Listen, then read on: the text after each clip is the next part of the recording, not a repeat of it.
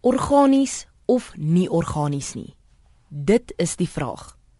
En wat is dit nou nie organies is nie? Wat is dit wat op ons groente en ons vrugte gespuit word om dit te beskerm?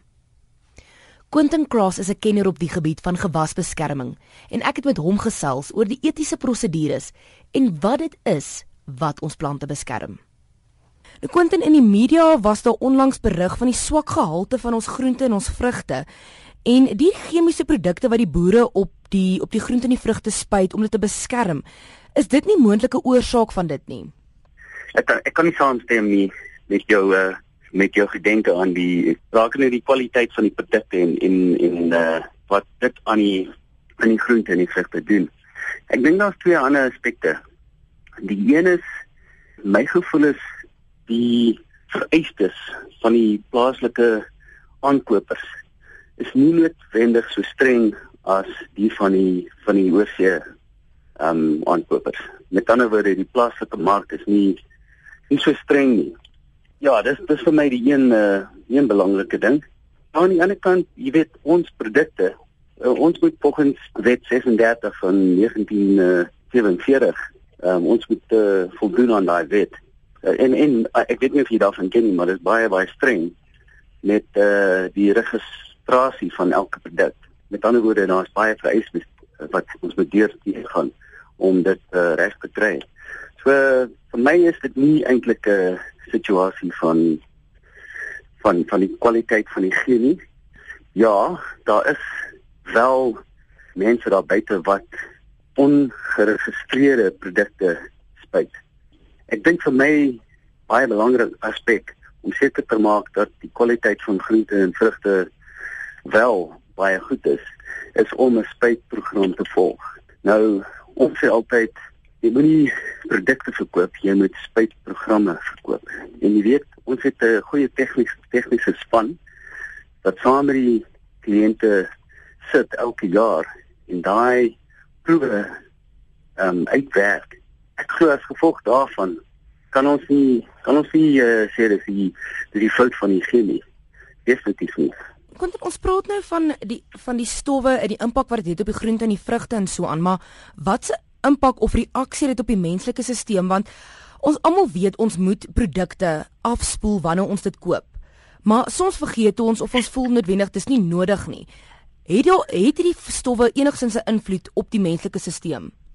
My gevoel is glad nie en uh, ek sal vir sê kom. Die ek kom terug na weer na na die uh, die wet 36 die. Hulle doen baie toetse en ek weet nie wat die Afrikaanse woord is maar minimum residue levels in net vir die gewone man op die straat net om te verduidelik daar is 'n sekere tydperk vir sekere van die chemie wat jy mag nie spuit binne daai tydperk. En dis dis kom ons sê 'n paar weke of 'n paar maande, dit hang af van die chemie van die tyd wat jy gaan dit nou oes. So met ander woorde, dit gee die chemie, die harde chemie 'n baie lang tyd om nou deur die stelsel van die plant te te werk of af te spoel van van daai kant af. So dis 'n een aspek en dan jy weet werk ons baie hard aan groenprodukte, green products, going green.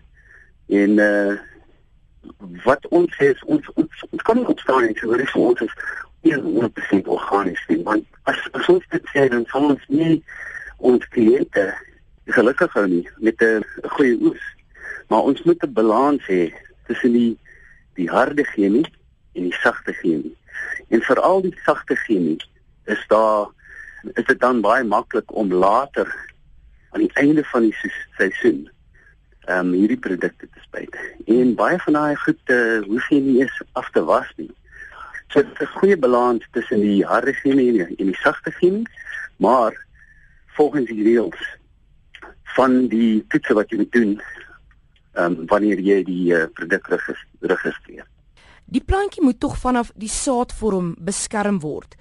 So wanneer die chemiese middels gespuit word van die heel begin af, het dit enigsins 'n effek op die groeiproses van die plant? Wel, ja, definitief. Ek meen as jy as jy die verkeerde chemie spuit of jy of jy jy doen 'n saadbehandeling met die verkeerde chemie, ja, dit kan wel die die groei van die plant affekteer, maar dis net dis gewoonlik jy sal dit gewoonlik sien in 'n in 'n swak oes. Dis nie altyd oor die oor die plantbeskerming nie. Dis soms oor die die plantbemesting. En veral jou wortels, veral jou grond wat jy moet seker maak dat daar genoeg kom ons sê goeie goed in die grond is om om uh, seker te maak dat jou gewas kan wel lekker groei en 'n goeie goeie um, oes uh, en dit beteken 'n goeie goeie oes. So ek kom terug na daai spuitprogram nou weer. As jy jou spuitprogram kan goed reg kry met goeie gewasbeskermingsmiddels plus die bemestingmiddels dan uh, dan glo ek jy jy jy, jy sal nie 'n uh, 'n groot probleem optel. En natuurlik moet jy die regte persoon hê om om die, om die ding uh, toe te dien. Anders uh, jy weet uh, gaan jy jy gaan nie 'n bietjie foute optel. Wat is die etiese prosedure wat plaasvind wanneer dit kom by die gebruik van die stowwe op groente en vrugte wat ons inneem? Ja, okay, kom kom kom ons praat oor die wet. Ek gaan terug na die wet. Mm. Okay, daar is etiese normes wat ons moet handhaaf uh volgens wet. Okay, soos ek sê, as 'n luister geluister maatskappy, dit is verskriklik belangrik om dit te doen. Daar's ook die nie die wet se kant, maar common logic etiese norme en waardes wat ons moet handhaaf. En uh een van die groot dinge is ons wil nie noodwendig enige produk verskaf nie. Ons wil nie produkte verskaf wat die hoogste marge handhaaf of die grootste verkoop handhaaf. Aan die einde van die dag moet ons seker maak dat ons 'n reeks produkte verskaf wat wel die kliënt se probleme kan oplos.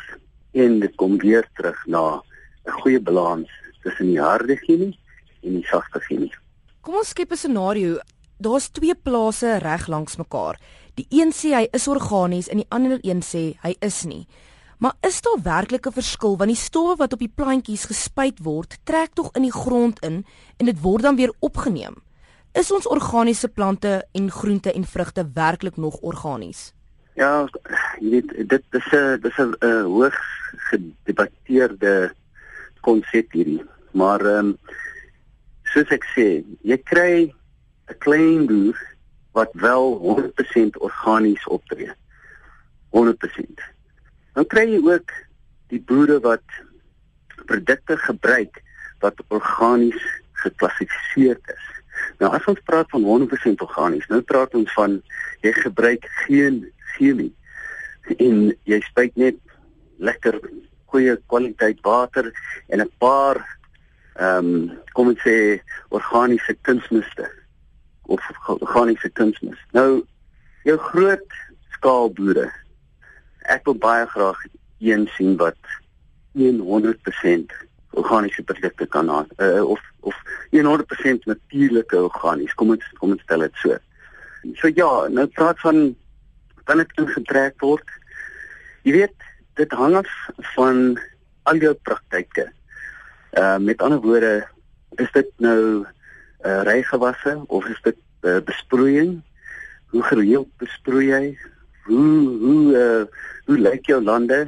Ehm um, wat se wat se tipe grond het jy om om om te vas vas te stel hoeveel gaan werklik deur die grond of ingetrek word deur die grond en dan oorgedra is na die ander die ander plaas toe.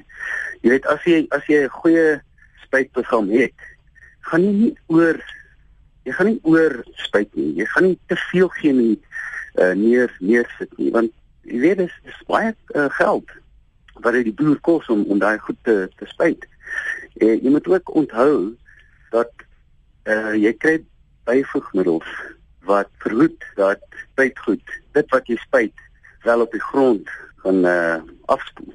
Met ander woorde dit jy kry wat ek noem in Engels stickers en wetters en penetrators. So dit help die chemie om sy werk te doen in 'n baie goeie manier sonder dat jy mors want dis dis nou die probleem as jy te veel mors en geen boer wat kommersieel boer gaan dit toelaat om sy geen te mors.